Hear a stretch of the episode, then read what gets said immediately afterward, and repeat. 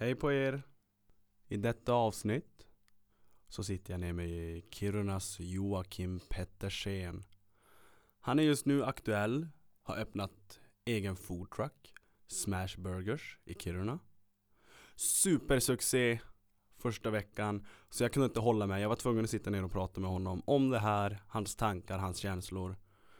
Men något som han också går in på är livet. Mitt budskap med denna podd som ni vet sprida, inspirera, sprida kärleken.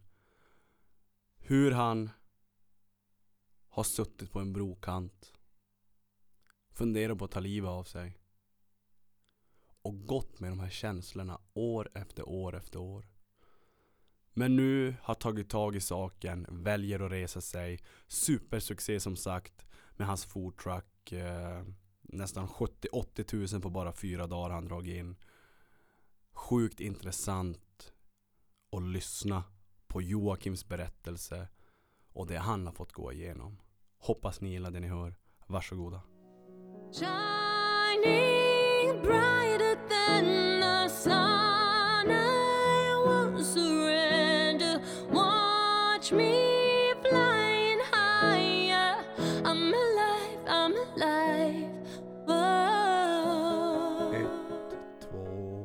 tre och boom! Hej Joakim! Hej. Du ser trött ut. Jag Ja. sitter just nu med den nyöppnade Smash Burgers. Våran kock, kan man kalla det kock? Ja. Ingen utbildning men i mina ögon behöver man inte utbildning för att ha en titel så det viktiga är att man kan det man gör. Precis, vi sitter nu, klockan är tio på kvällen. Du har precis jobbat idag, du har haft öppet fyra, fem dagar. Och det har varit jävligt körigt va? Mm, det har varit kaos. Hur är läget? Hur, hur, hur är känslorna nu efter första veckan? Igår så ska jag helt ärligt säga att jag bara ville ge upp det här. Det, det har nästan varit för mycket för vad man klarar av. Eh, alltså, jag hade förväntat mig mycket men absolut inte den mängd som har varit. Har du sovit någonting? Ja, det Den här sista dagarna har jag kunnat sova. Men förra veckan, dagen innan premiären sov jag strax under en timme. Blev klar med alla dressingar och allting fyra på natten. Fredag natt och natten mot lördag. Mm. Somnade, kom hem sen, somnade vid fem. Eh, klockan sex ringde klockan. Då var det bara att åka till bilen igen och börja rulla all, all färs. Färdigt, alla, alltså färdigställa allt inför öppningen. Mhm. Så drygt en timme sömn. Hur känns det? Känns det, känns det bra ändå det här? Ja, Det nya? alltså absolut. Det är jättekul att det går så jävla bra men det har varit extremt påfrestande psykiskt. Jag har gått ner 9 kilo nu på sju dagar. Nio kilo. Ja. Inte fått i mig någon mat på grund av stress, oro.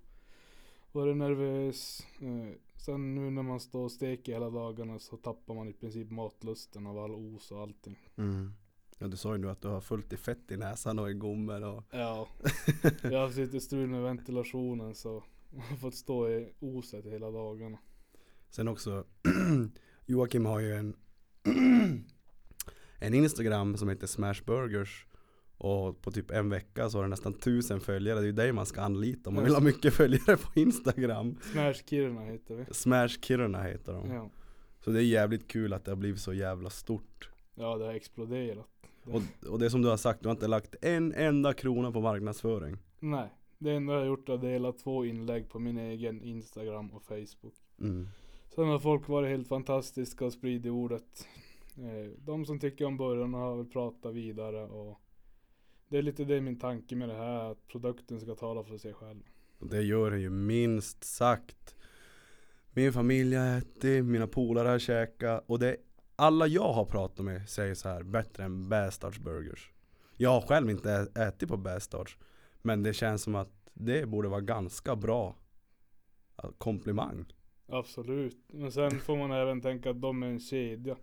Ja, Och de har folk som styr åt dem. Eller styr och styr men alltså de, de styr över folk som lagar mat. mm. Och Jag tror absolut att de har mycket mer kunskap än mig om den här typen men eftersom man är en kedja så blir det så jävla stor mängd. Och lyckas hålla jämn kvalitet på allt som de ändå gör så är det jävligt bra. Men eh, en liten firma har alltid bä- bättre chans att leverera en mycket bättre produkt i mina ögon. Mm. Och du som sa att du inte har någon utbildning, hur, hur kom du på den här idén? Eh, Jag har alltid i princip jobbat hos min pappa som har drivit restaurang hela mitt liv. Mm. Eh, Jag har aldrig gillat pengar och hålla på i kassan och sånt så jag har alltid hållit mig till köket och disken och framförallt köket. Och, och han har lärt mig extremt mycket. Han hjälper mig även nu. Eh, Står bland annat i kassan och sköter pommesen och bröd. Mm. Och eh, det är väl på den vägen det har snöat in på det här. Sen är jag väldigt glad i mat själv personligen. Just hamburgare för att det är en enkel men ändå riktigt god grej att äta. Men den är ju också, en hamburgare är ju så här. Det är inte som att trycka en flådig pizza. Men det är klart, det beror ju på vart du hämtar hamburgaren Ja. ifrån. Absolut. Men din hamburgare är ju inte alls så där. man mår ju inte illa efter man har ätit den. Nej, det är ju för att få en, fin smak så du ska inte bara ha bra kött, du måste även ha en del fett. Mm. Men min, det jag egentligen gör det är att jag har ett galler jag låter den saften som inte ska vara i burgaren rinna av på. Och på så sätt så blir det inte lika grisigt. Många lägger burgaren direkt på brödet och i mina ögon så förstör det en stor del om man har en bra produkt. Mhm. Men också sen vet jag att du gör ju alla dina, inte bara början som du gör liksom på ditt eget sätt. Eh, dipparna gör du väl själv och Jo, vi gör allt själv. Det enda vi inte gör är att baka bröd. Och vart har du fått de här, alltså utan utbildning? Jag som inte kan, alltså laga mat kan ju vara kul när man gör en fin, man får till en bra, god maträtt. Men vart hittar du allting? Alltså, är det Google som gäller? Eh, Alltså man tar ju idéer av andra, så fungerar det ju men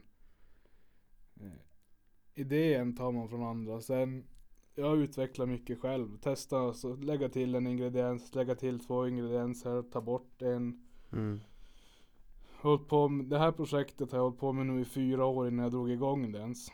Mhm. Så det har varit mycket, mycket experimenterande. Både med kött och med såser och Ja, det har varit extremt mycket.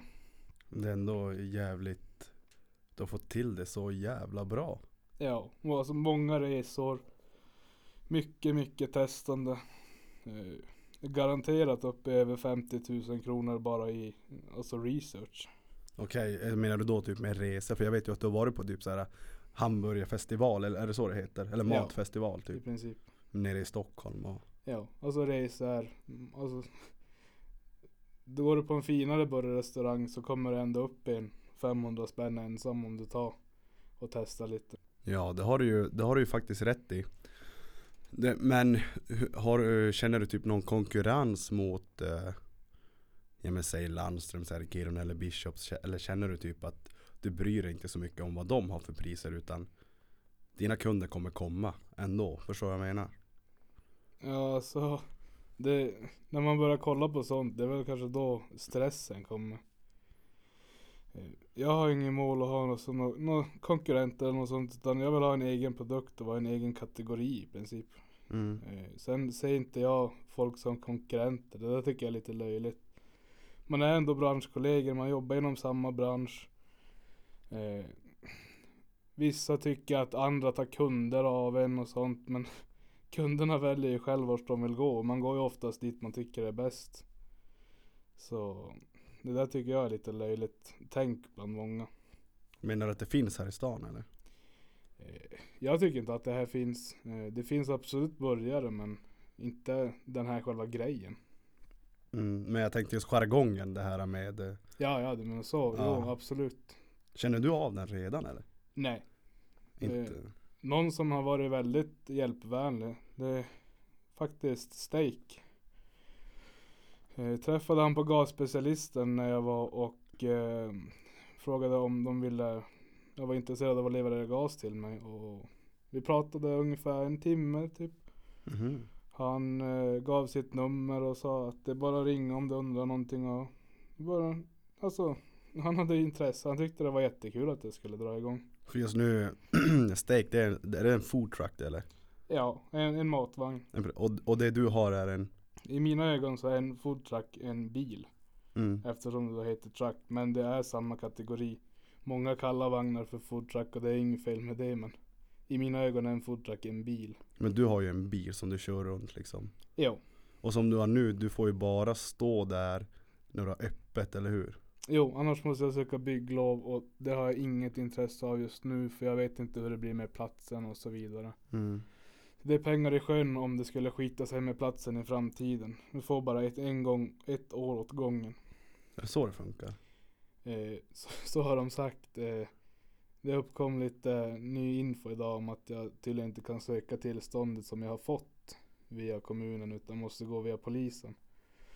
Så det blir nästa steg och se hur det blir med det. Annars kommer vi söka upp en privat plats för det blir mycket mindre tjorv. Det är ett ja eller nej. Men eh, vad finns det just nu för typ privata ställen? Var skulle det hamna? Du vill väl ändå ha, du vill ha väl något mål att kunna hamna vart man lätt kan nå dig på något, på något sätt? Ja, det var lite tanken med den här platsen vi har nu. Synas och det är ändå, det finns två håll att ta sig dit ifrån. Mm. Eh, det är inte allt, eller det är sällan mycket trafik efter de här småvägarna in till vår, min nya plats här. Mm. Eh, ja, i min, frågat, det är många som tycker att det är väldigt enkelt att ta sig dit. Det enda är att det inte är en väg man brukar åka varje dag. Och sen hur mycket planering har det varit för att egentligen öppna det här stället som du nu står på och laga burgare? För jag vet att du har ju kämpat hårt och det har varit resor till Skellefteå, beställa bil och Ja, planera bilen, kolla på bilen. Redan förra sommaren så började det här planeringen dra igång. Vi har sökt lokal i ganska länge men inte fått någon intressant lokal och jag har inte bara velat öppna bara för att öppna utan det ska kännas rätt om jag tar en lokal och satsar på det.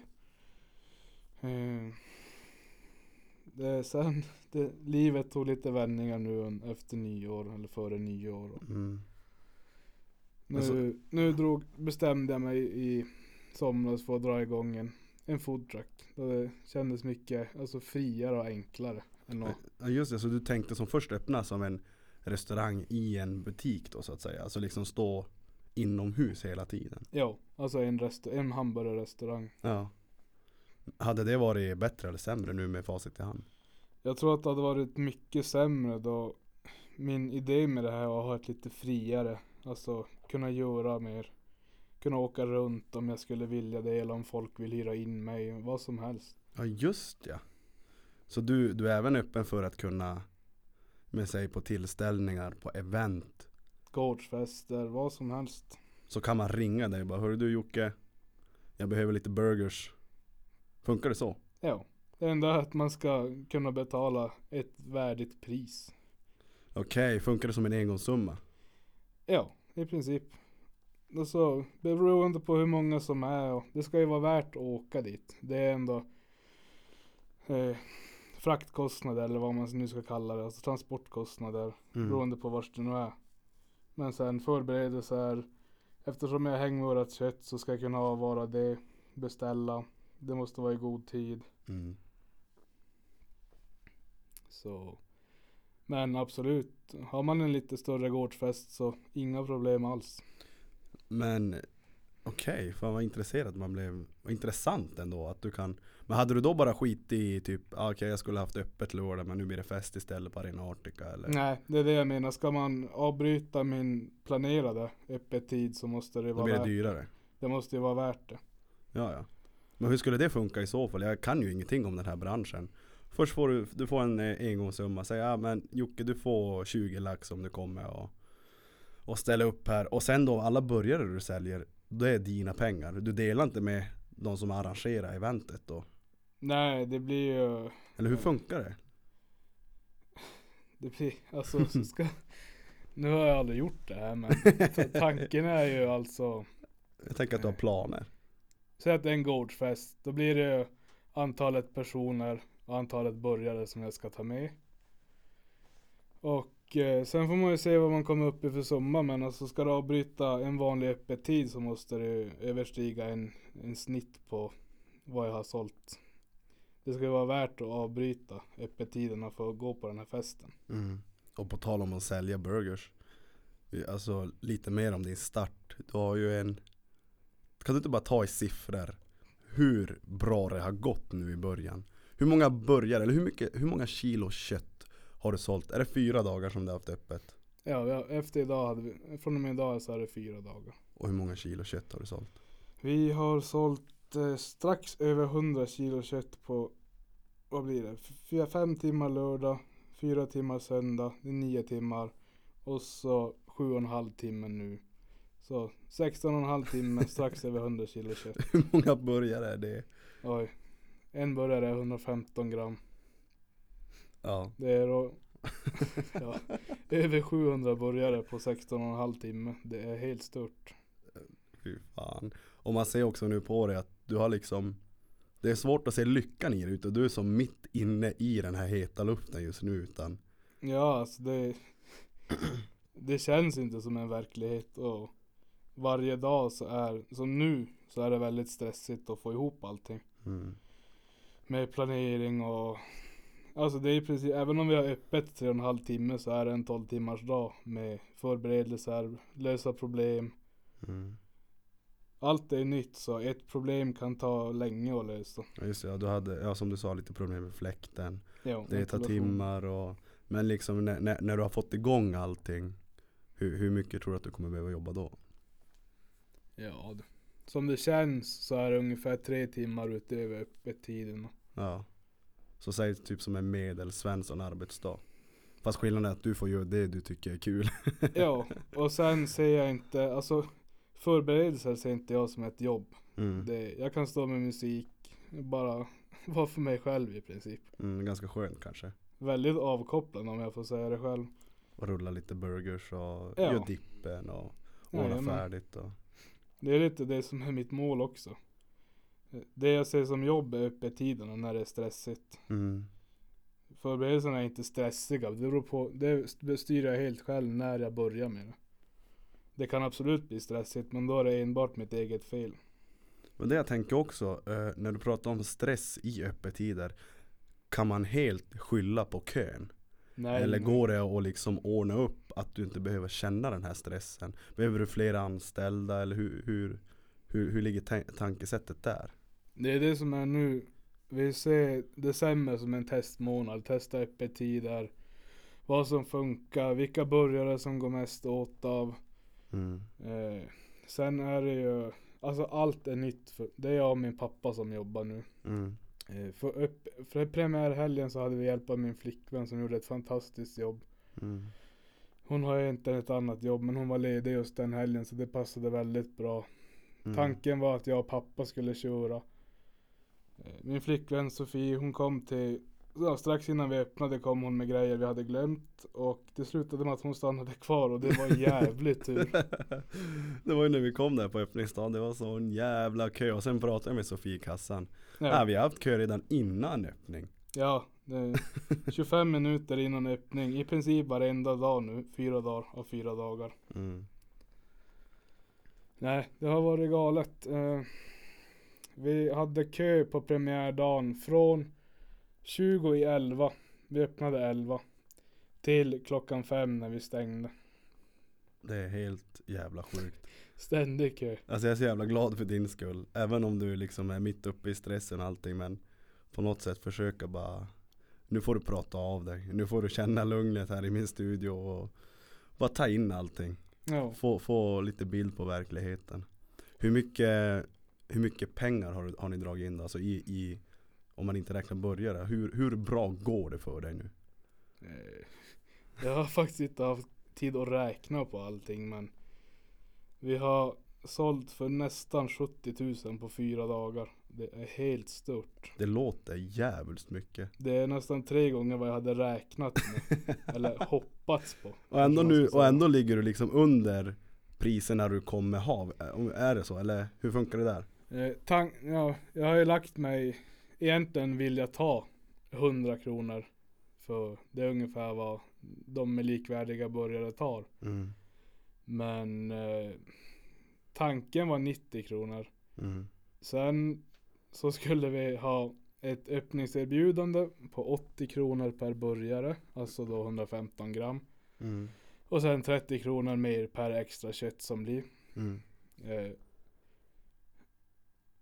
det, tanken var första dagen först ha så.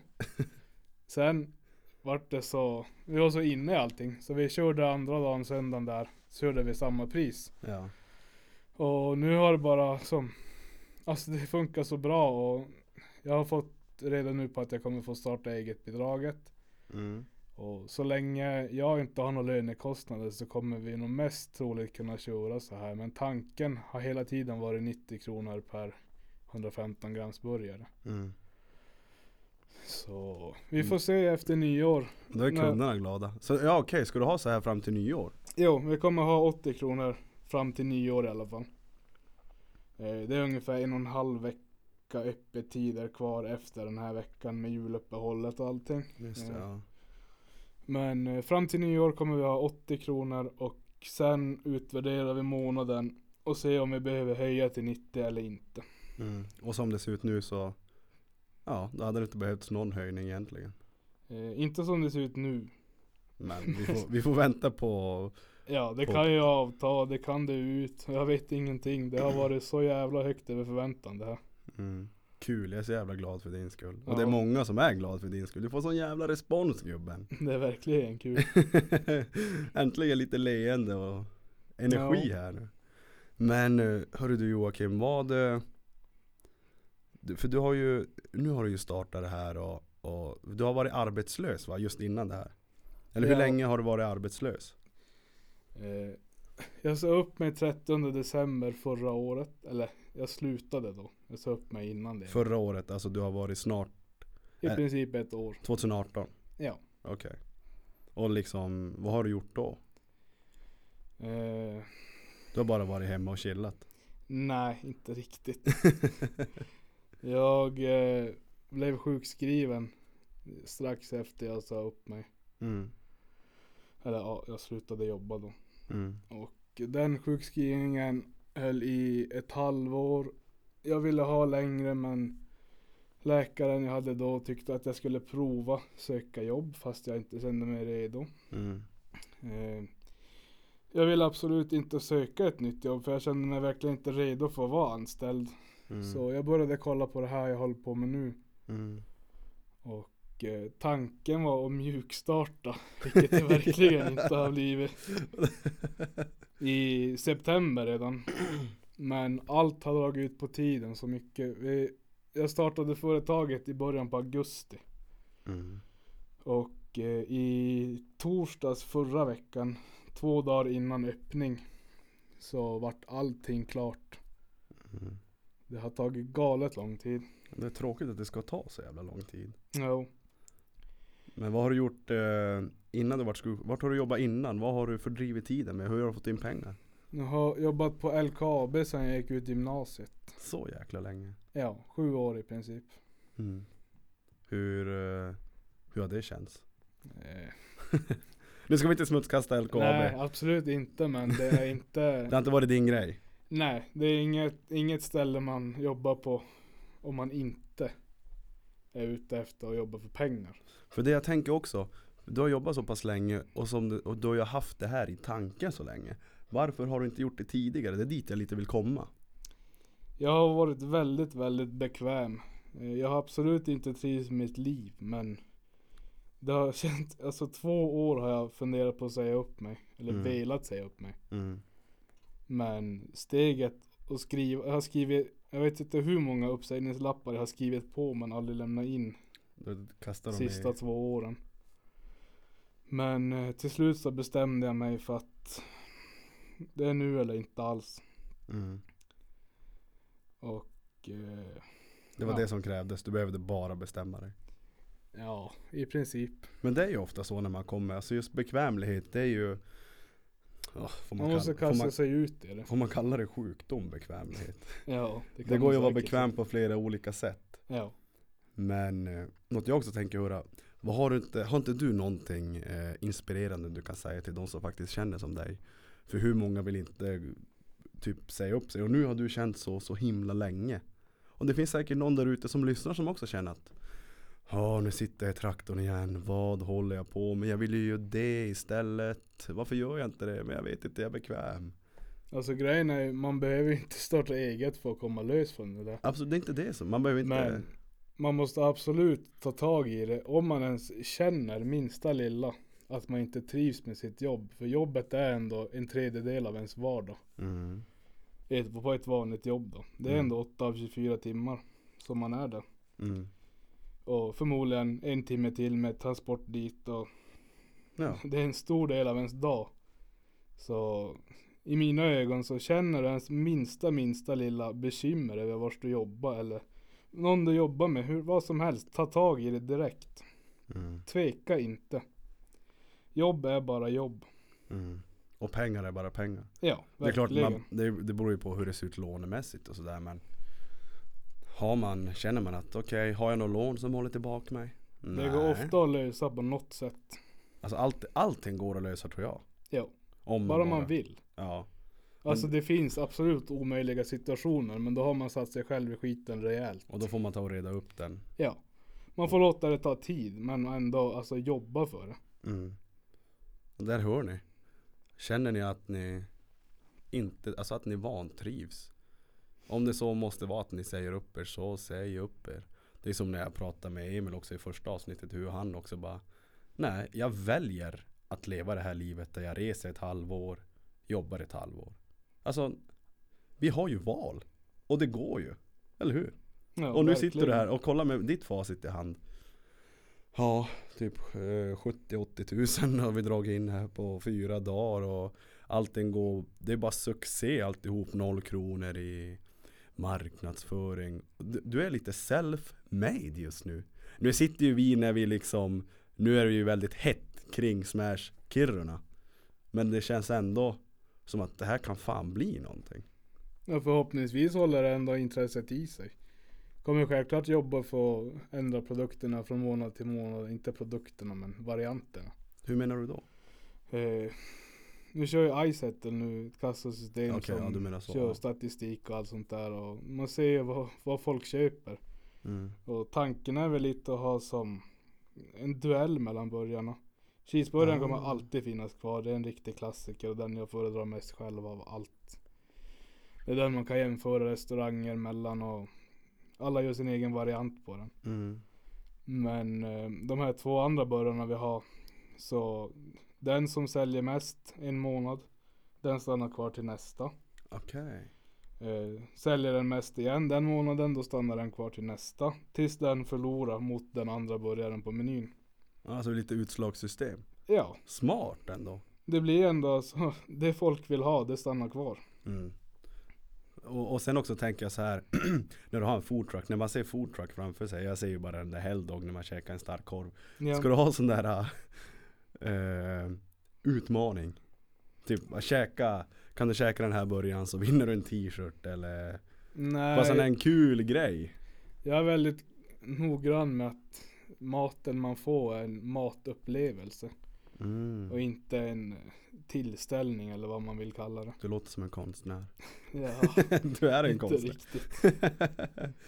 Ja men det är ändå smart för du har så, du har så ödmjukt tänk med din mat Alltså mat är mat i mina ögon. Det är någonting man ska njuta av. mm. Vi har till exempel bara en trippel på menyn som mest. För jag anser att efter tre köttpuckar så försvinner upplevelsen med en hamburgare Då blir det mer bara kvalitet. Då blir det mer bara trycka Ja, alltså gris, äta eller vad man vill kalla det. Ja precis Man äter bara för att äta.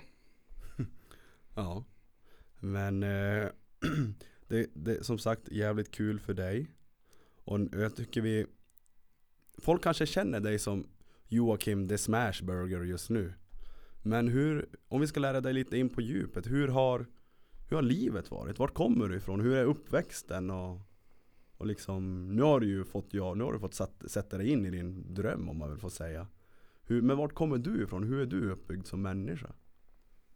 Jag har alltid varit väldigt självständig i mina ögon. Mm. Eh, väldigt, väldigt fina föräldrar. Gjort allt de kan för att uppfostra oss alla tre syskon så bara bra de kan. Mm. Eh, de har ju själv drivit egna företag hela mitt liv i princip. Eh, så egentligen är det kanske en liten företagarfamilj eller vad man vill kalla det. Eh, I omgångar hela mitt liv så har jag mått lite sämre. Oftast bara några veckor men alltid återkommande. Mm. Men det har ofta, ofta gått över väldigt fort.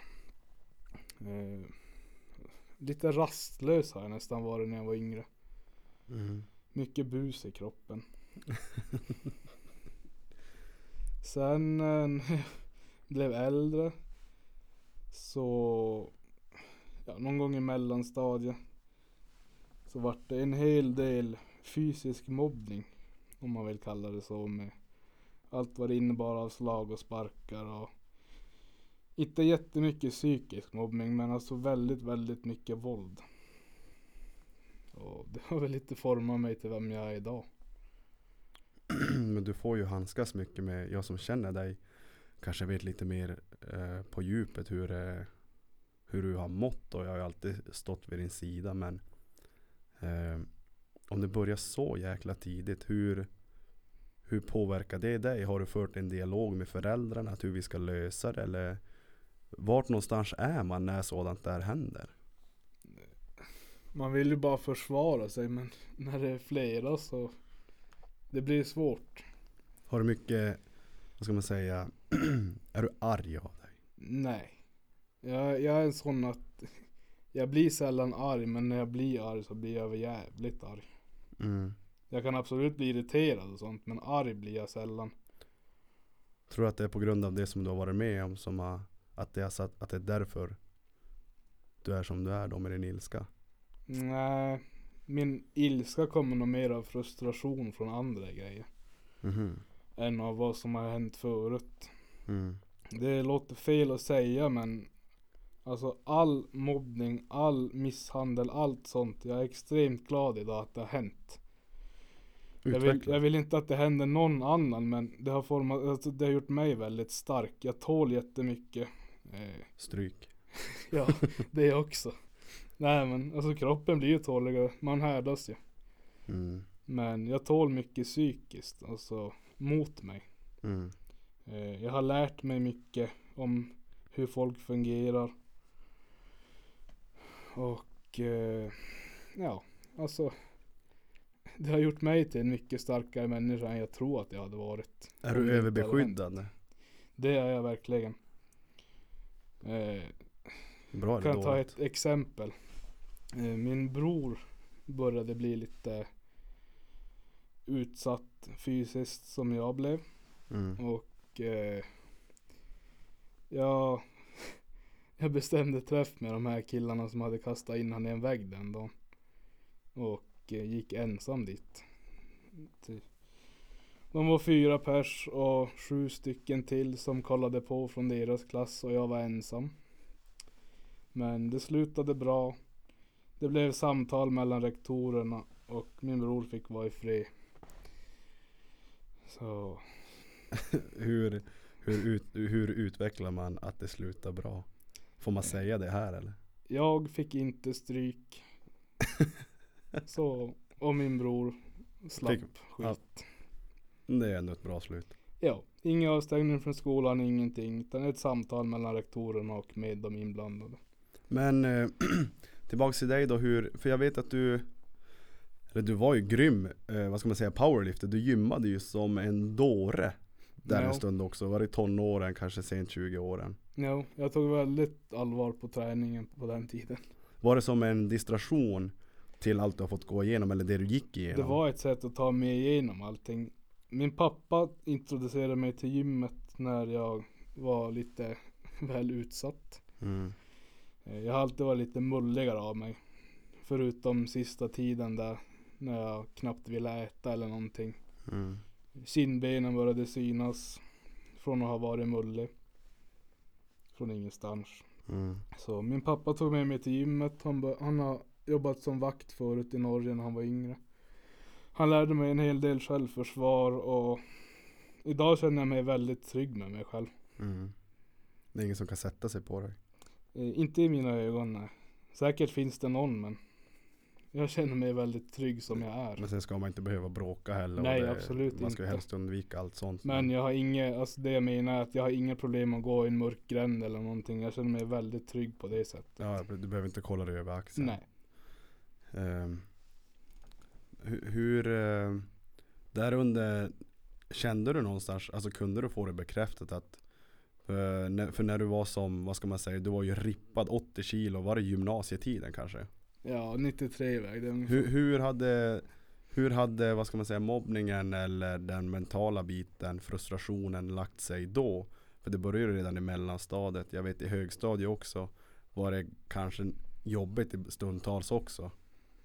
Ja, jag bytte skola i sjuan. Mm. Runt påsk någon gång tror jag det var. Till Lossaskolan. Hamnade i en väldigt, väldigt fin klass som passade mig mycket bättre. Mm. Bara lugna, trevliga människor. Och gymnasiet då liksom gym, gym, din lilla gymkarriär liksom tar fart och Kände du att det var, det här var som en, ett ljus i tunneln? Ja, det var det nog absolut. Jag tror inte jag hade börjat träna utan all mobbning. Du tror inte det? Nej. Du har ändå hållit på med hockey nästan hela livet. Jo, men jag har aldrig haft intresse för träning innan. Fysträning alltså. Ja, det började som en självförsvarsgrej och slutade med någonting som gjorde mig glad och fick mig att må bra och känna mig trygg. Fan vad härligt att höra ändå. För liksom vi tar oss an den här äh, Ja men den här i ditt fall då styrketräningen och liksom frustrationen. Du är arg och bara "Ah, fan jag ska sätta dit de jävlarna. Så vänder du bara på hela steken och bara Nu släpper jag de där jävlarna och hyser inga agg utan nu, ska jag, nu gör jag det här för att jag själv ska må bra och bli säker. Och, Alltså träningen började med att jag ville kunna försvara mig. precis. Sen slutade det med att jag ville bli så stor och stark som det bara gick. Bara för att folk skulle få respekt för mig och låta mig vara. Ja ja. Jag, alltså. Ska jag vara ärlig så har jag alltid gillat bråk. Men jag har aldrig tyckt att det är rätt eller kul på så sätt. Gillat bråk. Ja. Alltså hur, hur menar du då? Liksom vara med i bråk eller typ kolla fighter? Nej men det är lite som att sätta en fin tackling på hockey. Alltså man får ur mycket ur kroppen. Aggressioner och allt sånt. Det är lite som en aggressionstömning. Men det borde finnas andra sätt kanske? Eller har du bara stirrat helt blint på den här fighten? Nej, absolut inte. Finns- Alltså gymmet har ju bland annat varit en del av att få ut aggressioner. Men det jag tänker också, för någonstans på vägen kanske du vänder den där gymträningen till att du gör det för att du ska må bra. Ja, absolut. Sen började jag med styrkelyft och då fick jag träningen en helt annan innebörd. Mm. Är det jag tänker, så du släppte ju någonstans på vägen det där agget, okej nu ska jag bara bli så stor som möjligt. Alltså, ja, Det släppte ju du. ja det, att- det var som en instegsfas kan man väl kalla det till gymmandet. Mm. Och det är ju jävligt positivt. Jo, Att du kan göra någonting bra av det dåliga. jag har väl aldrig startat något bråk vad jag kan minnas. Så det, det har i princip enbart varit självförsvar. Mm. Jag har aldrig använt gymmandet till att ge mig på någon på det sättet. Jag har haft mycket aggressioner absolut, men det har aldrig varit jag som startat ett slagsmål till exempel. Och sen hoppas jag, alltså Jag kan sitta här, jag, alltså jag som inte har blivit mobbad Eller klart jag var tjock typ när jag var sex bast eller någonting Kanske fick höra att jag var fet men Jag har inte varit mobbad, det har inte gått så långt på det sättet som det gick för dig Liksom års tid och Och, och liksom se hur du mår stundtals och Det är svårt, jag kan inte sitta och döma dig Förstår vad jag Nej. menar? Du sitter här och säger att du gillar fighting och mycket frustration och jag, jag, jag, jag förstår inte, jag tycker ingen borde döma dig Nej, för, att- för att du är öppen och jag ärlig tycker nu inte man ska döma någon överhuvudtaget. Nej, för vi kan inte förstå, jag kan inte förstå det du har gått igenom Nej. Och vad det sätter, jag har ju min skit det jag har gått igenom och liksom, och det, det sätter ju som en prägel Ja men för det, till den man är idag så, så att jag tycker ingen ska kunna sitta och, och peka finger åt dig bara nej så där får man inte säga, så där får man inte göra Jo det är den du har blivit, så har det påverkat dig Ja. Är du med vad jag menar? Mitt liv har format mig. Precis Mina, eller hur min hjärna har uppfattat saker har påverkat mig. Styrt hur mitt liv ser ut. Alltså, alla är vi individuella. Ingen fungerar likadant. Nej. Hur är det idag liksom? För jag vet att du får kämpa med den mentala biten lite grann nu också va? Ja, en hel del. Hur, eh, för du sa ju där i början så var det mest liksom Periodvis. Ja det var fysiskt eh, mobbing Ja. men, men det där blev sedan en mental grej för dig liksom Jo, Att det blev jobbigt för dig mentalt när jag började känna mig lite tryggare så absolut vill jag ge igen. Men vad skulle det gynna mig? Ja Det skulle bara sätta mig på samma nivå som dem. Så det rann, det rann lite ut i sanden. Många av dem har bett om ursäkt nu i efterhand och Mm. det är väl kul men det är ingenting jag bryr mig om ens. Nej, Alltså, deras ursäkt, de har redan gjort grejen. Det spelar inte riktigt någon roll. nej, du är väl inte skyldig dem någonting på det sättet Nej, nej. Utan men vill de säga förlåt så absolut eh, Men den mentala biten då, kan du gå in mer på Vad är det som har varit jobbigt mentalt? Utbrändhet eller? Absolut, jag har om man ska kalla det arbetspsykos. Eh, jag jobbar så extremt mycket övertid trots att jag inte har orkat. Mm. Men det har blivit som en, en, ett sätt att koppla bort grejer och vara på jobbet. Mm. Och jag tror jag hade en snittarbets eller över, övertidsarbete på LKAB senaste tre åren på 350 timmar Per år per år. Och eh, första året av de tre så var det på dagtid. Så det var enbart kvällar och helger som jag jobbade övertid. Herregud. Sov mellan två till fyra timmar per dag. Det vart alldeles, alldeles för mycket för skallen. Mm. Kraschade lite. Men eh, det tog som igen sig. Det var ju första gången så det var väl kanske inte så mycket man tänkte på. Har du alltid försökt vara din självläkande doktor eller varit din egen doktor? Att du tror att tiden ska läka alla sår? Hela Eller- mitt liv. Har, eller har du, har du försökt söka hjälp och, Nej, och, och liksom försöka få se, försöka få ur vad som är felet? inte förrän i år. Okej. Så nu har du sökt professionell hjälp? I början på året så jag blev i princip tvingad att söka hjälp. Mm. Varför det? Jag stod på en bro i december och tänkte hoppa. Och eh, ja, senaste, halv, senaste halvåret förra sommaren. Eller från förra sommaren. Mm. Så jag tappade här livslusten strax före sommaren började. Helt. Den hade varit låg ett bra tag. Mm. Senaste fyra åren har varit en, en kamp mot skallen i princip. Och det har väl varit lite därför jag jobbar ganska mycket. Men eh, efter att ha levt helt utan livslust i ett halvår. Så är ganska ironiskt nog i princip exakt ett år sedan. Mm. Så stod jag en natt på en bro nära stan och kände att det var, det var dags att ta farväl. Alltså du har ju så mycket, du har ju så fin familj bakom dig Jättefin flickvän och liksom ni har hund och Alltså när man kommer till det där skedet när man står på bron eh, Jag som kanske inte har stått på en bro Men alltså vad är det som, vad är det som försiggår i huvudet? Att man har fått nog. Av vad då? Livet? Att man blir, vad ska jag säga? Man blir ett objekt i vägen för de nära en. Att du har känt det liksom att du har varit en påfrestning En tyngd. För de som du har levt med Ja. Även om man inte är det så känner, alltså man uppfattar det själv så. mm. Man vet att de ser att man inte mår bra. Eh, för den, framförallt när man själv inte vet vad det handlar om. Mm. Varför det är så. Man känner sig själv helt hjälplös. Känner att livet, eller livet för de nära en skulle kanske bli, det skulle vara jättejobbigt i början om man försvann men det skulle bli enklare med tiden att leva. För att man har inte den där tyngden.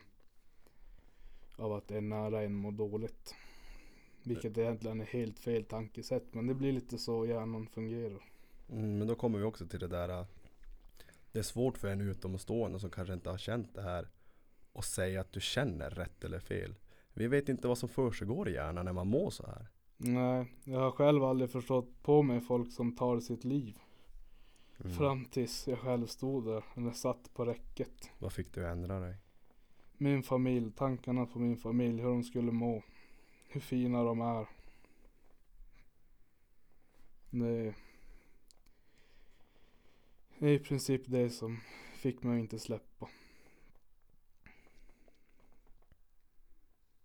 Det, till slut går det så långt, när man är så långt ner så länge. Så känns det som det enda rätta. Ja, vi är ju jävligt glada att du inte gjorde det. Jo, det är jag också nu i efterhand. Och det är som du, alltså Du är så fin människa och du Du har både gjort jävligt roliga grejer i livet och du gillar ju att göra roliga grejer i livet och tänk hur mycket vi har framför oss. Jo, men det är också Jag har alltid brytt mig om hur andra mår för att jag själv inte har mått bra. Det låter som att du har stoppat dig åt sidan. Det, det blir som man gör många gånger. Jag är väldigt osjälvisk av mig i grunden så Mm. Ja, det har blivit den vägen man har Ja, men det, där kommer också lite övertidsarbetet in. Mer pengar och Alltså gör folk lyckliga med. Folk man bryr sig om. Har du tänkt då typ att pengarna ska göra din omgivning lycklig? Ja. Det, har du någon gång typ funderat över dina egna tankar? Alltså just när det kommer till sånt här. Absolut. För materiella ting är väl kanske inte den äkta lyckan.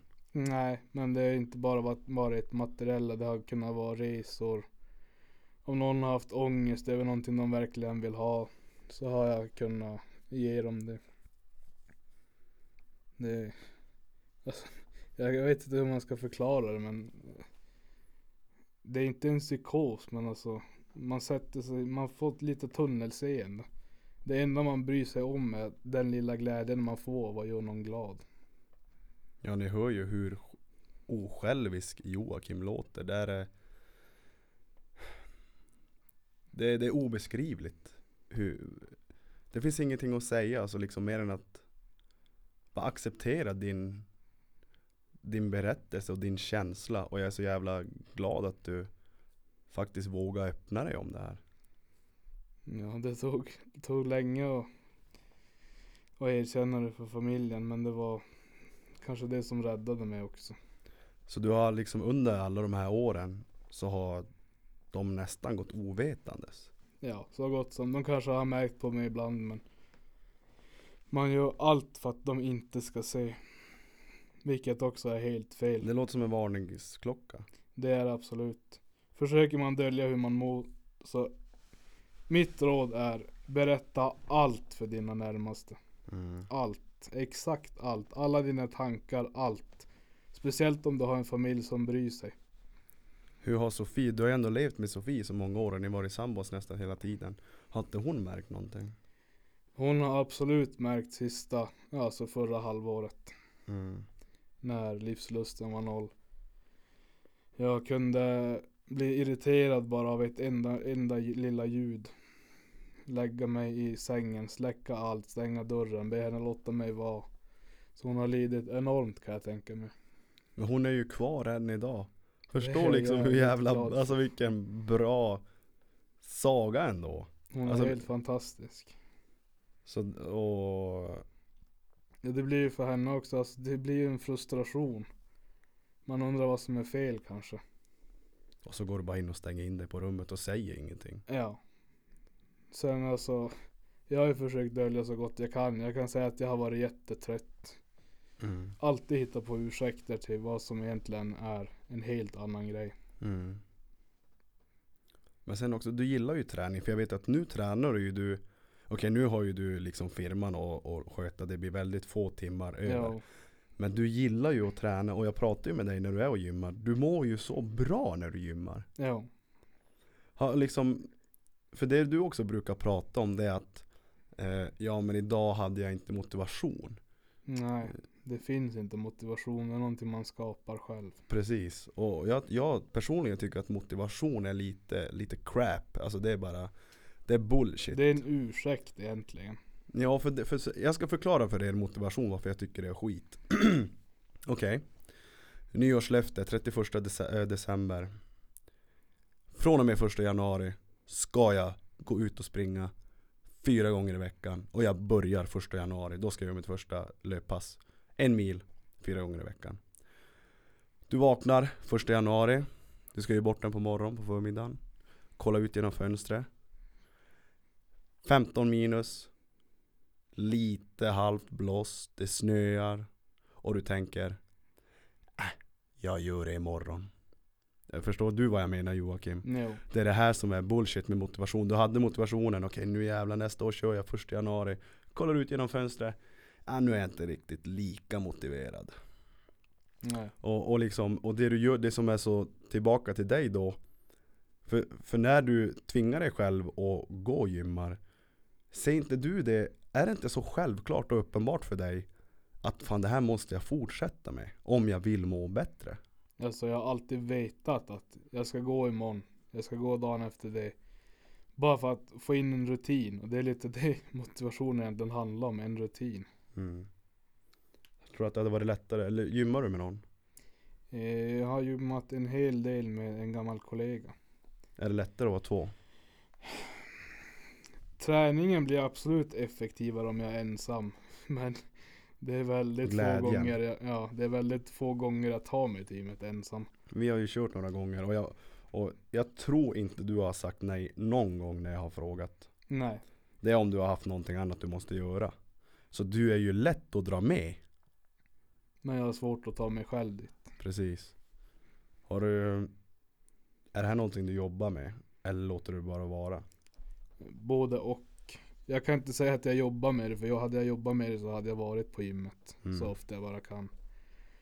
Egentligen är det bara, vi har bil, allt, inga pengar, jag har inga problem med pengar på det sättet att jag inte kan ta bilen dit. Så egentligen finns inga som helst ursäkter men jag hittar alltid ursäkter. Jag har sovit för lite, det är ingen idé att gå och träna, jag kommer vara sämre än förra passet.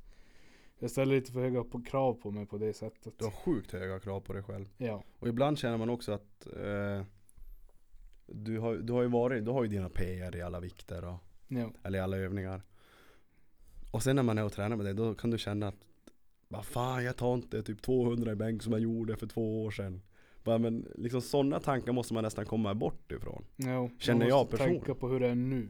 Ja Och bara njuta, försöka njuta av här och nu liksom njuta av att ja, men jag får vara och träna Bocka hänger med. Och liksom bara njuta av stunden. Och du är ju här för att det ska bli bättre imorgon, i övermorgon och om en vecka. Ja, Så Men som sagt, jag är, glad, jag är jävligt glad att du vågar öppna dig om din Din historia och, och, och Men det låter ändå som att Det finns ändå saker att jobba på idag ja, och det är mycket många inte vet som jag egentligen inte har berättat men borde berätta. Är det någonting du vill säga nu? Ja, vill och vill. Alltså, vi kan ju ta det från början. Mm. Eh, December 2018. Sitter på räcket på en bro och lutar mig fram. Mm. enda som håller mig kvar är mina händer. Eh, tankarna på familjen, hur de ska må. Extremt mycket gråt den natten. Innan och under själva förloppet eller vad man vill kalla det. Mm. Ångest som fan. Det blev inte bättre av att sitta där. Absolut inte. Eh, Bara att ta sig därifrån sen när man väl hade tagit mod till sig och dra dit. Efter många, många nätter och dagar av tankar om att göra det. Bara ta sig därifrån var extremt jobbigt. Inse att man hade misslyckats även med det. Och egentligen var det inte ett misslyckande att inte göra det. Utan ett lyckande att ta sig därifrån. Men så tänker man inte. Eh, början, ja. jag- Det här var då i början på december. Och eh, jag tänkte som vanligt att det kommer bli bättre med tiden. Någon gång kommer det bli bra.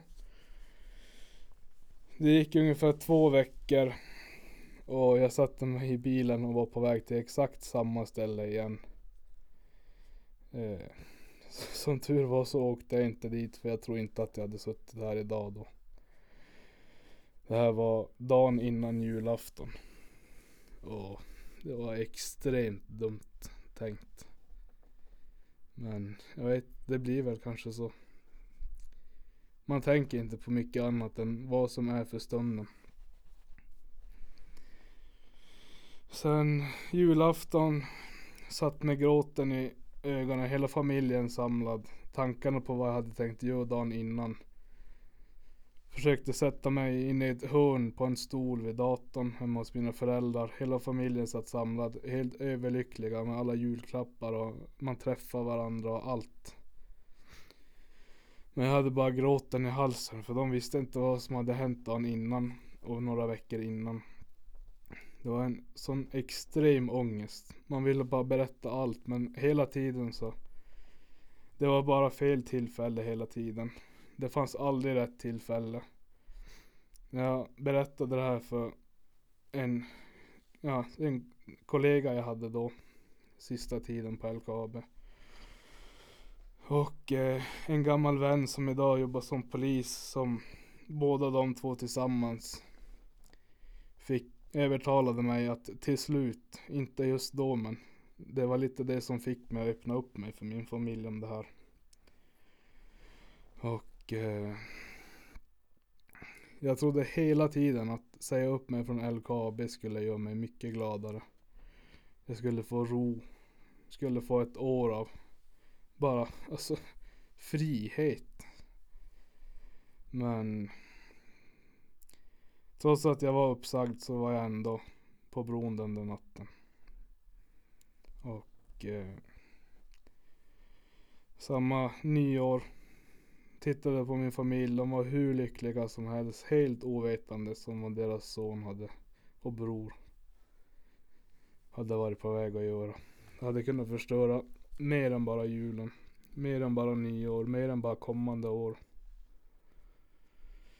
Så jag vet inte riktigt vad jag ska säga men början på januari, jag tror det var 6 januari. Kommer Kommer min pappa hem till mig. Och eh, Ursäkta. Det är ingen fara Joakim. Han har då märkt på mig sista tiden att jag har vad ska man säga, var lite annorlunda. Och eh, det är väl lite det som får mig att ja, just att han kommer hem till mig. Berätta hur oroliga alla är. Ta det lugnt Jocke, det är ingen fara. Jag berättar absolut inte allt åt han då men Jag nämnde att jag har varit på väg bort Månaden innan Och eh, Han Hans första fråga är hur? Jag hade tänkt göra det. Och Det var en jävligt bra fråga. För det Det gav mig sån enorm ångest att säga vad jag hade försökt göra den där natten. Att dagen efter tvingade han mig och mina föräldrar, båda mina föräldrar tvingade mig och min flickvän och ringa till sjukhuset och berätta läget. Och jag fick direkt tid till en, om han var allmänläkare i medicin, dagen efter. Eh, vi började prata och snöade direkt in på antidepressiva och allt vad det nu innebär. Och eh, hans första fråga när jag berättade hur illa det var att jag hade tänkt ta mitt liv. Och hur. Hans första fråga då är hur högt var det? Han har alltså varit läkare i över 40 år i allmänmedicin och ställer en sån fråga. Som att det inte ens är på allvar eller någonting. Men eh, vi hade ungefär, jag tror det var fyra eller fem möten. Minst 20 minuter varje möte försökte han övertala mig att ta antidepressiva. Han försökte få mig att ta sömnpiller.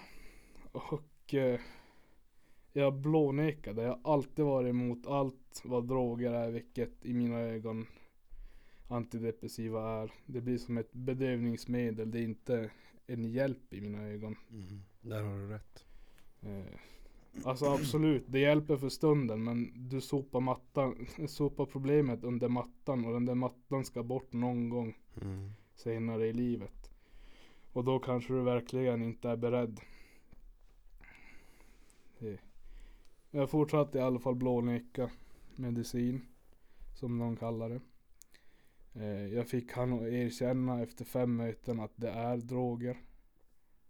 Vilket är ganska uppenbart egentligen. Men ja. Till slut så började jag själv forska i vad fan det kan vara problemet med mig. Mm. För jag kände att det sitter inte i huvudet. Det känns som att någonting är fel. Jag förändras hela tiden. Typ Och- som en personlighets... Ja, och så sömn, alltså svackor i sömn och Mm. humör. Jag har aldrig varit så irriterad som jag var där i början på året. Mm. Eh, absolut mycket ångest men även en hel del bara konstiga känslor i kroppen. Jag började kolla lite, först kollade jag på svenska sidor och alltså försökte hitta mina symptom eller vad man nu vill kalla det. Mm. Men jag hittade inget vettigt.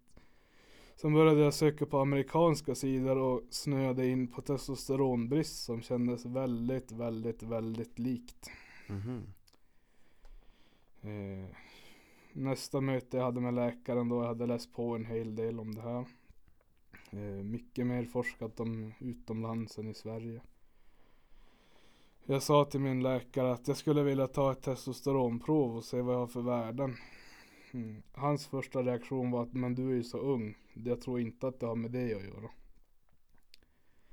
Jag fick i alla fall det här provet.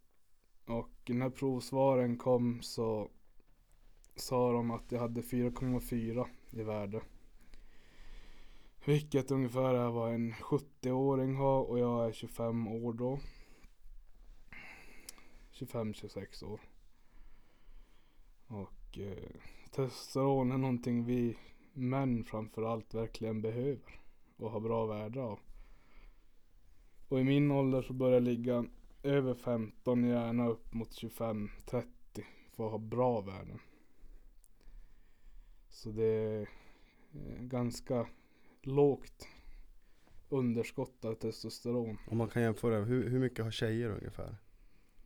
Jag tror att de har Det är vanligt att ha under ett absolut. Mm. Men de har upp till strax, ja, runt två, strax under två. Mm. Och jag hade då 4,4 Mm. eh, och 25, 26 år. Eh, ingen, inget driv alls i mig.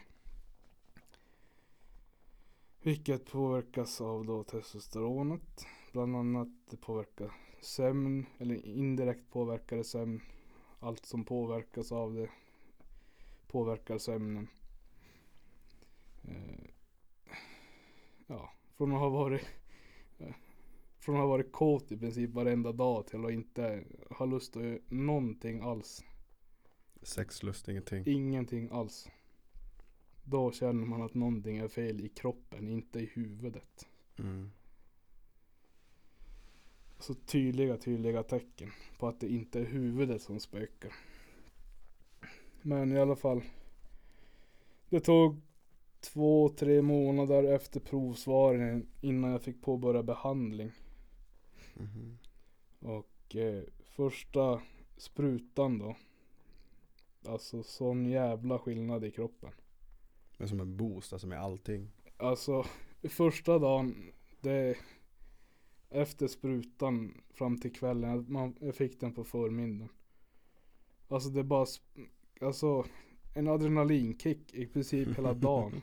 Det bara rusade i armar och ben och jag hade svårt att sitta still och Det vart en sån himla boost. Ja, jag vet inte. Så det är där du är nu? Ja. Jag hade hoppats på att vara det. Men eh, bland annat så är det för lång tid mellan sprutorna. Eh, jag har ungefär fyra veckor efter sprutan som jag mår hur bra som helst. Jag är pigg, jag sover jättebra. Eh, jag är glad. Jag är väldigt positiv till att göra grejer. Mm. En promenad, absolut. Fråga, fråga min flickvän om en promenad när jag jag- vad ska man kalla hög. Mm. Men alltså har bra värden. Det är inga problem att gå en promenad. Vecka 5 och 6 efter sprutan så Det svajar ganska mycket. Man känner att det börjar hända grejer i kroppen. Mm. Det går upp och ner ganska mycket. Mår väldigt dåligt från och med vecka 7 och framåt. Jag har 12 veckor mellan sprutorna just nu. Mm. Och senast efter, 11 veckor efter förra sprutan så tog jag nya prov, eller nya prover Mm. och då hade jag 4,0 i värde. Vilket är lägre än innan behandlingen. Mm. Och alltså det, Jag kan säga så här. Så många unga killar som mår dåligt idag ändå. All, av alla de som äter antidepressiva som egentligen kanske bara har det här problemet. Eller bara och bara men det är en sån enkel lösning. Mm. Istället för att käka piller som egentligen verkligen inte är bra för en. I längden. Mm. Ja, liksom ta ett testosterontest. Ja. Känner man att någonting är fel, alltså man känner verkligen i kroppen att någonting är fel. Mm. Be din läkare om ett testosteronprov. Ta det i första hand före du väljer att ta antidepressiva. Det påverkar sjukt mycket för oss men Men om man, om man ska leta efter de här felen. För om jag har tänkt så här, men, men om jag har mått lite dåligt och varit nere. Och då kanske jag inte har, det blir som en ond spiral, jag orkar inte träna och man äter dåligt. Och, då har jag alltid tänkt att, ja men. Jag tänker ju då att, ja men, det sitter ju i mitt huvud att jag är nere. ja. Jag måste bara få igång rutinerna igen. Men, men det är ju samma, är det de felen man ska söka efter? Förstår du vad jag menar? Vilka fel är det du känner när du känner att det är fel i kroppen? Alltså i mina ögon så är Jag vet inte om man ska kalla det driften men Som jag sa Sexlusten. Nej inte bara det men alltså driften att göra grejer Mm. Motiv- alltså, Det man kallar för motivation, bara gå en promenad Mm. Som jag sa, vecka 1 till 4 om min flickvän frågar mig om att gå en promenad Mm. med hunden, absolut 56, det beror på vilket humör jag är på för dagen då Mm. Men sen sju, ve- Vecka 7 och framåt, alltså det är tvärnej, jag is inte Nej inte nu, det är bara ursäkter Verkligen noll driv att göra grejer Men hur löser man det här problemet? Är sprutan, är det också som typ ett antideppiller? Att det löser liksom grejen för stunden? Som, som jag har förstått det så är det en det, Ofta är det en livslång behandling Okej. Men det är ingenting som påverkar hjärnan utan det Du fyller på dina nivåer i kroppen av Av testosteronet Men det finns ju också liksom bara av träning så ökar vi ju testosteron. Jo Men finns Men du det? kan inte öka det så mycket med träning som, Alltså om du är låg så Mm. behöver du en boost Men nej det är absolut inte samma grej som antidepressiva i mina ögon Okej. De påverkar hjärnan Mm. Det här påverkar hela kroppen, hela alltså systemet Mm. Men tror du att du skulle kunna säga att du är där i vecka 9 till 12 där det liksom känns åt helvete. Tror du att du kan erövra ditt psyke och ändå ta den där promenaden, ändå göra det där fyspasset på gymmet? Jo, absolut. Det, men det krävs så jävla mycket mer än när man har bra värden. Mm. Men för det låter lite nu som att man nästan bara överlåter sig till värdena. För det, det, alltså det, det är ju sjukt jobbigt det du berättar men men jag är ju bara skapt så att fan nu måste, alltså jag vill inte må dåligt, jag måste hitta en lösning. Och liksom om jag vet då att jag får bara 12 veckors mellanrum mellan eh, sprutorna. Då hade jag liksom, man vill ju lösa det på något sätt. Alltså liksom bara gå till det där jag blir. Men nu ska jag testa det här. Nu mår jag dåligt vecka 9 till 12. Det är tre veckor, jag kommer få må skit. Och nu ska jag se om det blir bättre. Har du tänkt i de banorna någonting? Ja, absolut. Men det som, Eller är det bara helt pladask? nej. Det är ju bättre, alltså i början, att må bra i de första tre fyra veckorna. Det från att vara glad i princip 30 minuter per dag som mest. Mm. Till att ha en, en kort, ett kort avbrott på kanske 15 minuter per dag som jag inte var glad. Mm. Bara genom en, en påfyllning av kroppens testosteron. Det var helt galen känsla. Mm. Men eh, just nu påverkar det här ditt eh, arbetsliv så att säga? Ja absolut. Ju lägre jag blir desto tröttare blir jag om dagarna. Mm. Nu har jag alltså, jag har ett ansvar jag måste ta. Ja. Eh, nu fick jag sprutan ganska lämpligt senast. Jag tror det har gått fyra veckor nu sedan sprutan. Så jag Ja. är fortfarande inne i en bra period. Ja, ja. Eh, förhoppningsvis kommer jag inte börja svaja. Jag försöker inte tänka på det så mycket nu. Även om jag vet att det börjar närma sig mitten. Mm. Men eh, försöker, jag söker egenvård via Sunderbyn nu. Mm. Eftersom jag inte får Det finns inte kunskap här i stan helt enkelt Mm. om det här problemet. Och allt går via Sunderbyn så jag söker just nu självvård dit. Mm. Eh, Förhoppningsvis får jag komma in i Sunderbyn istället för att gå hit. Och ta oftare då eller? Ja men få den hjälp, alltså som nu, min läkare som jag har nu, han tyckte att eh, 4,0 var helt normalt. Fast gränsen för lågt går strax under 8. Mm. Och det är hälften av det som jag har. Mm. Och när det är 8 som är gränsen, ja, 8 till 30 är normalt. Då, I mina ögon ringer det varningsklockor när värdet är hälften av det lägsta. Ja det är klart det gör det. Det är ju något som inte är som det ska. Nej. Då får vi hoppas att det här äh, Det hade varit kul också att se utvecklingen Eller kul är väl fel ord Intressant att se utvecklingen Nu när du säger att du har ett ansvar att göra nu, Ja. Om du kommer in i den här dåliga perioden Och du kan sköta jobbet Visst du kanske mår lite dåligt Det kanske är jobbigare att gå till jobbet Men du gör det Då, då, då hade man nästan kunnat lägga över ansvaret Men Jocke nu har du ett ansvar att ta hand om dig No. ta hand om din kropp. Är du med? Kanske gå och gör den där promenaden, gå och gör det där gymmet. Ja. Och bara liksom hålla liksom, för du, du mår ju bra när du rör på dig. För det, Jo, för det, jag har ju facit i hand, för jag känner ju det. Jag har känt det så pass länge att när du rör på dig, då mår du bra. Då är du glad och liksom tror att Jo. hade, Förstår du hur jag menar liksom? Ja. Jobbet ansvar, kroppen ansvar. No. Försök. Men det är det som är, man, man tar inte hand om sig själv. Man är väldigt dålig på det. Det har jag även känt det här året nu. Jag var sjukskriven ett halvår, arbetslös fem månader efter det. Mm. Totalt 11 månader utan jobb. Mm. Bara egentligen ett fritt, fritt liv. Mm. Jag har kunnat göra exakt vad jag vill. Och det har fått mig lite att Det har gett en insyn på att jag måste göra så här fler gånger i mitt liv med jämna mellanrum. Mm. Man Ta kanske jobbar mellan 3 till 5 år. Sen när man börjar känna att jag behöver fan en paus. Mm. Då tar jag en paus. Sköter man bara sig, alltså inte ta på sig några onödiga skulder eller något sånt. Man har råd. Mm. Det gäller att släppa på den där pengahetsen. Mm. Det har nästan gått mindre pengar det här året när jag inte haft lön. Trots att jag har gjort väldigt mycket grejer. Jag har rest, varit utomlands, åkt själv på resor i Stockholm bland annat. Åkt på burgarresor.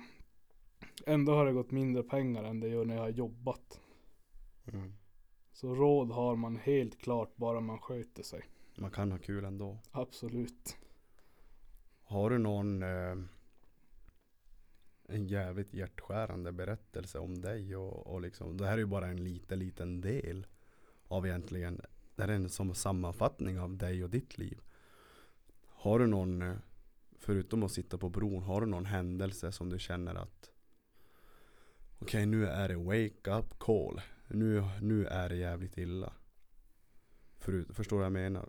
No. Förutom bron där du känner att okej nu är det Nu är det liksom Nu är det allt eller inget. Alltså nu är det graven eller livet. Alltså nu, nu måste jag ta tag i det här. Har du någon speciell händelse som du inte har öppnat dig om som du känner att du vill dela med dig om? I, ja, i somras innan min behandling då började. Ja. när Jag mådde fortfarande väldigt, väldigt dåligt. Jag ville inte dö längre. Men jag ville bort från allt den här gången. Mm. Eh, jag hade redan gått igenom den här Det här skedet Där jag bara vill bort från allt Vilket då var när jag satt på bron i december Mm. Den här gången eh, Jag hade öppnat för min, mig för min familj om det här Och eh, jag hade inte längre den här Det var en skam att vilja dö Den här gången ville jag fly Jag skrev bland annat till dig när jag var på väg till tågstationen och hade bokat en enkel biljett Just det. Eh, ja, jag ville bara bort härifrån. Mm. Jag skrev till min familj att ni behöver inte oroa er. Jag ska bara iväg en sväng. Eh, promenerade mot tågstation. De visste inte var jag var eller någonting. De ringde, ringde och ringde och ringde. Jag svarade inte. Jag tryckte upp taget. Jag sa att det är ingen fara. Jag ska bara iväg en sväng. Och eh, de, de åkte runt med bil och letade mig. Jag såg dem från gångstigen jag gick på mot tågstation. Såg dem köra förbi mig. Jag gömde mig såklart då men såg dem köra förbi mig på vägen. De ringde medan de körde förbi där. Jag vägrade svara. Jag ville bara bort därifrån. Ville fly från allt. Sen när jag satt på tågstationen, det var ungefär en och en halv timme kvar till tåget skulle komma. Så svarade jag till slut. Jag kände att vad fan håller jag på med? Det här är exakt som det var tidigare. Mm. Och jag måste öppna mig för dem. Det här funkar inte. Jag kan inte hålla på så här. Det är barnsligt. Mm. Till slut sa jag vars jag var. De kommer direkt i full fart. Övertalar mig och följer med hem. Och jag är så glad att jag följde med hem. Och så. Det blir sånt tunnelseende. I princip, det är i princip samma grej som när jag ville dö. Bara det att den här gången. Så ville jag inte dö. Jag ville bara bort från allt. Eller fly. Ja. Jag sa till min flickvän att ta med en, en duschpåse med rena kalsonger och ett, ett ombyte så klarar jag mig. det är lite som när pappa kom hem till mig och ifrågasatte hur det egentligen var. Mm. Hon eh, packade en påse. Det var en handduk, det var shampoo, det var kalsonger, det var sockar, byxor och en tröja. Och det fick mig verkligen att tänka till. Att, att hon packar en påse när jag har sagt att jag tänker dra. Det, det fick mig verkligen att öppna ögonen för vad jag höll på med. Mm. Även om jag inte såg det där och då. Men när hon kom med den här påsen. Och som låtsades att hon accepterade att jag skulle dra. Så fick det mig. Alltså det gav en sån ångest. Och verkligen väckte mig. Det slutade med att jag följde med hem. Vi gick och la oss. Vaknade morgonen därpå. Mådde mycket bättre. Det är lite som jag sa innan. Att det är inte en psykos men man får sånt jävla tunnelseende. Men till de som faktiskt känner sig jävligt, jävligt nere för det För din berättelse är ju, eller din historia är ju inte Den går lite över meningen depression. Det här är någonting helt annat. Det här Det är här- ett riktigt jävla mörker. Ja, det är ett, en, ett resultat av Ja, säg i alla fall sex år av undanskjutande av vad som faktiskt sker i huvudet. Mm. Bara dölja allt, försöka dölja allt så gott man kan. Hitta ursäkter, allt sånt. Om jag skulle göra någonting annorlunda idag. Eh, om jag skulle få ge ett tips till någon som känner lite liknande fast kanske ett, ett lägre stadie innan det har utvecklats tills man tappar livslusten helt och bara vill bort. Det absolut bästa ni kan göra det är att öppna er för era närmsta. Föräldrar, flickvän, pojkvän, alltså familj, den allra närmsta familjen. Den skammen man känner inför att göra det, det är någonting man måste få bort. Det är en life changer i mina ögon. Men det är ju lite det också som som jag vill kunna sprida mitt budskap med det här. Och jag är så jävla tacksam att du vågar öppna dig och, och liksom hur, ni, hur vi nu i allmänheten får, får ett öra på och liksom en fingertopp och känna på den här att ja men shit vad fan.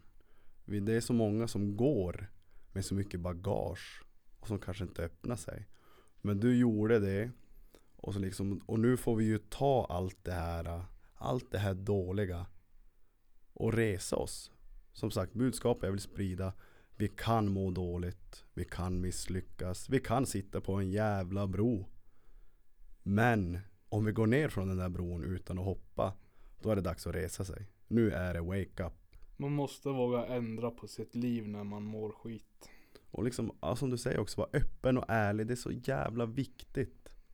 Och få ur sig allting. Komma ur den där skammen inför att berätta. Det är extremt viktigt. För vi är ju bara människor. Och vi är, jäv, vi är så jävla olika allihop. Och hjärnan kan spela sitt spratt och den kan fucka upp oss helt totalt. Men vi måste våga lösa det. Eller hur? Ja. Och det har ju du, alltså du, du är ju på god väg. Man måste våga ändra på sitt liv om det inte är bra. Så trots den här jäv, det här året som du berättade om nu, liksom, äh, säg då från brohändelsen. Så sitter du här och jävla supersuccé. Mm. Du får göra det du tycker är kul. Ja. Trots att jag egentligen inte känner mig återhämtad men jag känner att det är ett, ett enormt viktigt steg att ta för att förändra mitt liv. Och tänk så jävla bra. det blev. Ja. Vad fan, vem hade kunnat ana det här? Nej. För ett år sedan hade jag absolut inte ens tänkt på det. Så jävla kul, för din skull. Jo.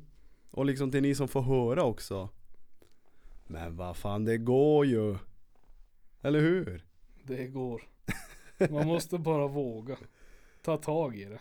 Ja. Släppa bekvämligheten. All ångest, bara skjuta bort det. Ta tag i det du verkligen vill göra. Så det, det, krävs en, det krävs mycket mod. Men för att bli bättre så måste vi möta våra rädslor. Mm. Det, det, är fan, det, är, det finns inga hemligheter. Det som är obekvämt är oftast det som gör oss starkare om vi tar tag i det. Så är det. Äh, fy fan vad grymt Joakim. Eh, jag hoppas ni också där ute gillar, eller gillar, tar åt er verkligen. Och lyssnar med båda öronen och kropp och själ och allt ni har. Att eh, fan det är en, livet är inte rättvist, det är en mörk värld och, Våga ta jobbiga beslut. och vissa får gå igenom hemskare saker än vad andra får gå igenom. Och jag tycker inte vi ska sitta och döma någon. Det här är ju ett jättebra exempel med dig Joakim. Att vem, vem, vem fan är jag att döma dig? Det här är Nej. ditt liv, det är din historia. En händelse för någon kan vara hur jobbig som helst medan det för någon annan bara är ett litet problem. Precis. Och det är så viktigt att, att vi kan sprida liksom, vi kan, vi kan bredda fronten och, och höra att men mina andra gäster kanske hade andra problem. Och nu sitter vi med Joakim som har det här, liksom på bron. Det är helt jävla ofattbart. Så jag tycker vi bara ska ta med oss det här mörka. Nu sitter du, du är succé. Och innan vi avslutar det här så, the final question. Drömmar Joakim, planer. Vart är du i livet om fem år? Jag har ett jobb som inte är ett jobb. Alltså, det är en vardag för mig bara. Det känns inte jobbigt att gå till jobbet. Jag har inte ångest när jag vaknar. Eventuellt så har jag utspritt foodtrucks i kanske två städer till. Så Nice. totalt tre foodtrucks. Mm. Jag har helt släppt restaurangtankarna. Det här är grymt kul. Nu har jag bara haft öppet i fyra dagar men själva konceptet. Mm. Bara kunna flytta från ett ställe till en annan. Eh, Har jag en restaurang måste jag ha personal bland annat. Mm. Nu behöver jag personal också men min, just nu hjälper min pappa mig enormt mycket. Mm. Men det är så mycket enklare Mm. att skapa frihet med en foodtruck än det är med en restaurang. Mm. Så lite utveckling på företaget. Återkommande kunder. Mm. Och ett, ett friare, roligare, gladare liv. Det är min största målbild. Drömmer du om att kunna bo utomlands kanske? Nej. Jag vill kunna åka utomlands någon gång per år. Det är, det är som, jag älskar Norge. Jag älskar att vara i Norge men jag skulle inte vilja bo där för det skulle ta bort härligheten med att komma dit. Mm, ja du tänker så. Drömmet om någon Ferrari. Nej. Nej, verkligen Men du, inte. det låter ändå som att du har realistiska planer och drömmar. Du, du svävar inte så mycket. Nej, jag har, alltså, jag har ingen mål att vara något utomordentlig eller nå- någonting sånt utan Mm. jag vill ha ett trivsamt liv. Det är mitt mål med det här. Mm. Du har ju börjat bra i alla fall. Ja, Vi får det, ta med oss det, eller hur? Ja, det är en lång väg kvar. Är det Men- någonting du vill dela med dig? Förlåt. Men Men det ska gå. det kommer gå. Det kommer gå. Du, alltså det är så pass bra produkt. Inställning och vara seriös så kommer det gå. Har du några sista tips? Några meningar till de där ute som har lyssnat? Nej, det enda jag vill upprepa är Har ni spelproblem bland annat? Alltså allt sånt där, mår ni dåligt, spelproblem, allt som ger er ångest som ändå påverkar enormt mycket. Öppna er för era närmsta, be om hjälp av dem i första hand. Kan inte de hjälpa er så sök hjälp. Är det spelproblem så finns det spellinjer man kan ringa, man kan stänga av sig. Jag vet att väldigt många nära vänner har spelproblem, jag har själv haft det spelat bort allt jag hade en gång. Men berätta, alltså skammen man har för att öppna sig är oftast den som får allt att bli värre. Mm. Så våga öppna er för era närmsta om hur ni känner, vad ni har för problem, allt sånt. Släpp den skammen så kommer ni komma jävligt långt. Visa ord. Jag tycker det låter bra Joakim. Jag håller fullständigt med dig. Tack. Vi avslutar det här va? Jajamän. Tack ska du ha Joakim för att du kom. Otroligt. Snart ny arbetsdag. Klockan är mycket. Men som sagt, tack Joakim. Hjärtskärande berättelse. Jag, jag Tack hoppas själv. ni gillar den. Ha det bra hörni. Hej då. Ciao. Shining brighter